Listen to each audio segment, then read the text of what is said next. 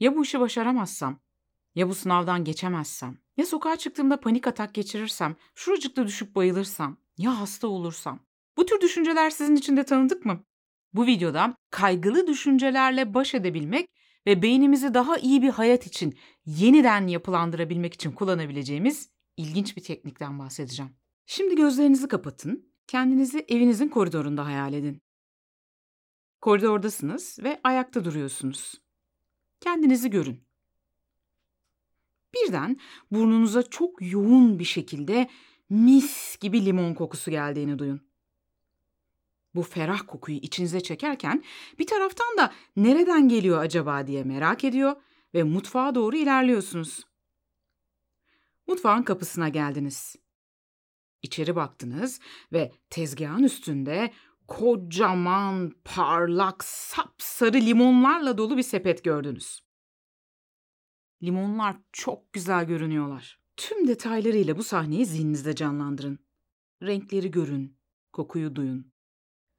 Tezgahı ve üstündeki limonları detaylarıyla görün.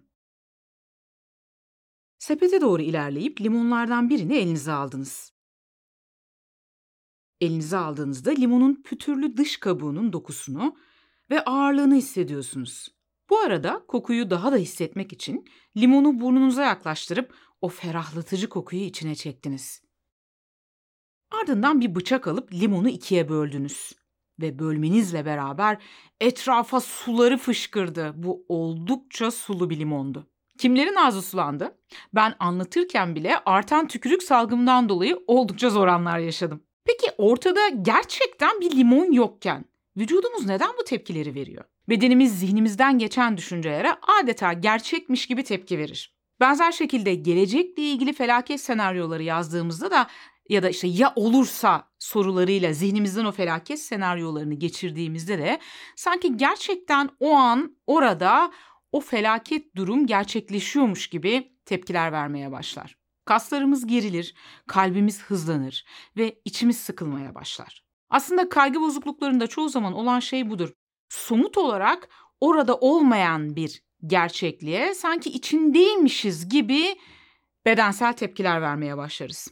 Vücudun son derece doğal olarak verdiği bu stres tepkileri bizi daha da korkutur ve bir panik sarmalının içerisine gireriz. Peki eğer düşüncelerimiz bedensel tepkilerimiz üzerinde bu kadar etkiliyse bunu tam tersi için yani kendi kendimizi motive edebilmek ve psikolojik dayanıklılığımızı arttırmak için de kullanabilir miyiz?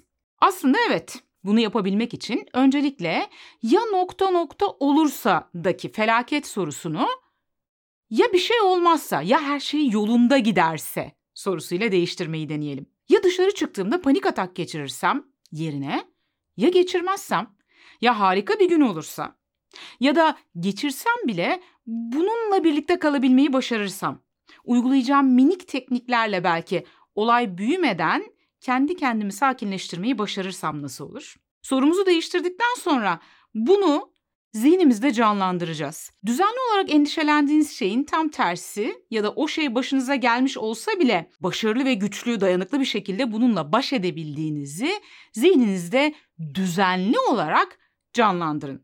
Neyi kastediyorum? Diyelim ki ya dışarı çıkarsam panik atak geçirirsem gibi bir korkum mu var ve bu yüzden dışarı çıkmaktan korkuyor muyum?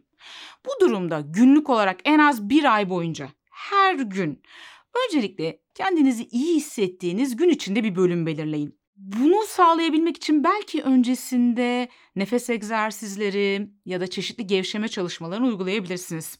Kanalda bununla ilgili pek çok çalışma var. İzlemeyenler daha sonra oynatma liselerinden bu teknikleri inceleyebilirler.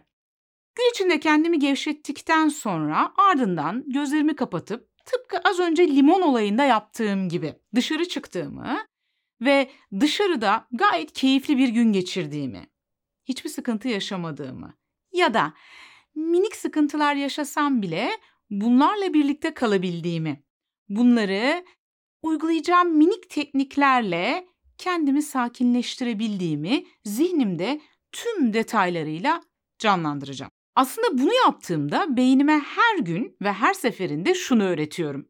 Dışarı çıktığımda beni zorlayan duygular gelse bile artık onlarla birlikte kalabilirim.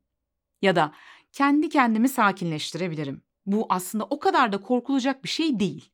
Beynim her tekrarda bunu öğreniyor ve bunu pekiştiriyor. Örneğin ehliyet sınavında aşırı heyecanlanmaktan, heyecandan elinizin ayağınızın birbirine dolaşmasından mı korkuyorsunuz? Kendinizi sınavda gayet rahat ve keyifli bir biçimde araba kullanırken hayal edin. Ve bu zihinde canlandırmaları yaparken tıpkı o en baştaki limon örneğinde olduğu gibi elinizden geldiğince tüm duyuları devreye sokmaya çalışın. Yani renkleri görün, kokuları duyun, dokuları hissetmeye çalışın. Sanki gerçekmiş gibi o anı zihninizde canlandırın ve yaşayın. Bunu en az bir ay düzenli bir şekilde deneyin. Disiplinli bir şekilde bakın ama hani bir kere yaptım olmadı değil. Yani en az bir ay her gün belirli bir süre ayırıp bunu gerçekten de deneyin sizi endişelendiren durumu bu şekilde gayet keyifli ve rahat bir şekilde karşıladığınızı zihninizde canlandırdığınızda beynimiz bu sefer yeni gerçeklik olarak bunu algılayacak ve bir şekilde o duruma girdiğinizde örneğin dışarı çıktığınızda ya da sınava girdiğinizde bunu bir tehditmiş gibi algılamayıp alarmları devreye sokmayacak. İmajinasyon yani zihinde canlandırma hayal kurma oldukça güçlü bir tekniktir ve bazı kişiler üzerinde düzenli uygulandığında oldukça iyi sonuçlar verir. Endişelendiğiniz bir konuyla ilgili gayet başarılı bir performans sergilediğinizi hayal ettiğinizde bir süre sonra beynimiz hayal ile gerçeği ayırt edemiyor ve sanki bunu gerçekten de o an deneyimliyormuşuz gibi kayıt almaya başlıyor. Ve bunun sonucunda da beynimizde bu durumla ilgili yeni sinirsel bağlantılar ve yeni öğrenmeler oluşuyor. Yani bizi önceden endişelendirmesi gerektiğini düşündüğümüz o durumla ilgili bu sefer aslında rahat ol- olabileceğimizle ilgili yeni kayıtlar oluşmuş oluyor. Özellikle profesyonel sporcular imajinasyon tekniğini iyi bilirler ve kullanırlar. Performanslarını artırabilmek için maç ya da yarışma öncesinde tüm o süreci zihinlerinde canlandırırlar, hayal ederler. Yani maçı ya da yarışmayı aslında önce kafalarında kazanırlar. Konuyla ilgili yapılan bilimsel çalışmalar oldukça ilginç sonuçlar veriyor. Örneğin bunlardan birinde sakatlanmış sporcular bir süre malum sakatlandıkları için egzersiz yapamıyorlar. Ancak bunlardan bir kısmı bu süre boyunca yani o dinlendikleri süre boyunca spor salonuna gittiklerini ve çalıştıklarını hayal ediyorlar. Araştırma sonucunda bunu yapan sporcuların yani spor salonuna gidip aktif olarak hareket ettiklerini zihinlerinde canlandıran sporcuların bu dinlenme sürecinde daha az kas kaybı yaşadıklarını ve daha hızlı iyileştiklerini gösteriyor. Yine bazı diğer çalışmalarda imajinasyonun hastalarda iyileşmeyi hızlandırdığını ve bağışıklığı güçlendirdiğini gösteriyor. Kanser hastaları üzerinde yapılan ve Breast dergisinde yayınlanan bir araştırmada araştırmacılar yeni teşhis edilmiş ileri seviye veya lokal olarak ilerlemiş meme kanseri tedavisi gören kadınlar üzerinde çalıştı. Kadınların yarısı bağışıklık sistemlerinin kanser hücrelerini yok ettiğini hayal ederken diğer yarısı bunu yapmadı. 37 hafta boyunca deneklerden 10 kez kan örnekleri alındı ve çeşitli bağışıklık maddeleri analiz edildi. Sonuçta imajinasyon yani zihinde canlandırma yapan kadınlarda bağışıklık aktivitesi görselleştirmeyen yani zihinde canlandırma yapmayan kadınlara kıyasla daha yüksek çıktı. Bu konuyla ilgili daha fazla sayıda çalışmaya Dr. David Hamilton'ın Dilimize Zihin Gücüyle Şifa ismiyle çevrilen kitabında bulabilirsiniz. Görünen o ki zihinde canlandırmayı sadece ruhsal sağlığımız için değil, bedensel sağlığımız için de etkili bir araç olarak kullanabiliriz. Kişisel gelişim ve psikoloji eğer ilgi alanınız içindeyse kendinizi daha yakından tanıyabilmek ve zorlayıcı duygularla baş edebilmek için yeni teknikler öğrenmek istiyorsanız bu kanalda her hafta bu konularla ilgili yeni videolar paylaşıyorum. Videolardan haberdar olabilmek için kanala abone olmayı ve bildirim zilini açmayı unutmayın.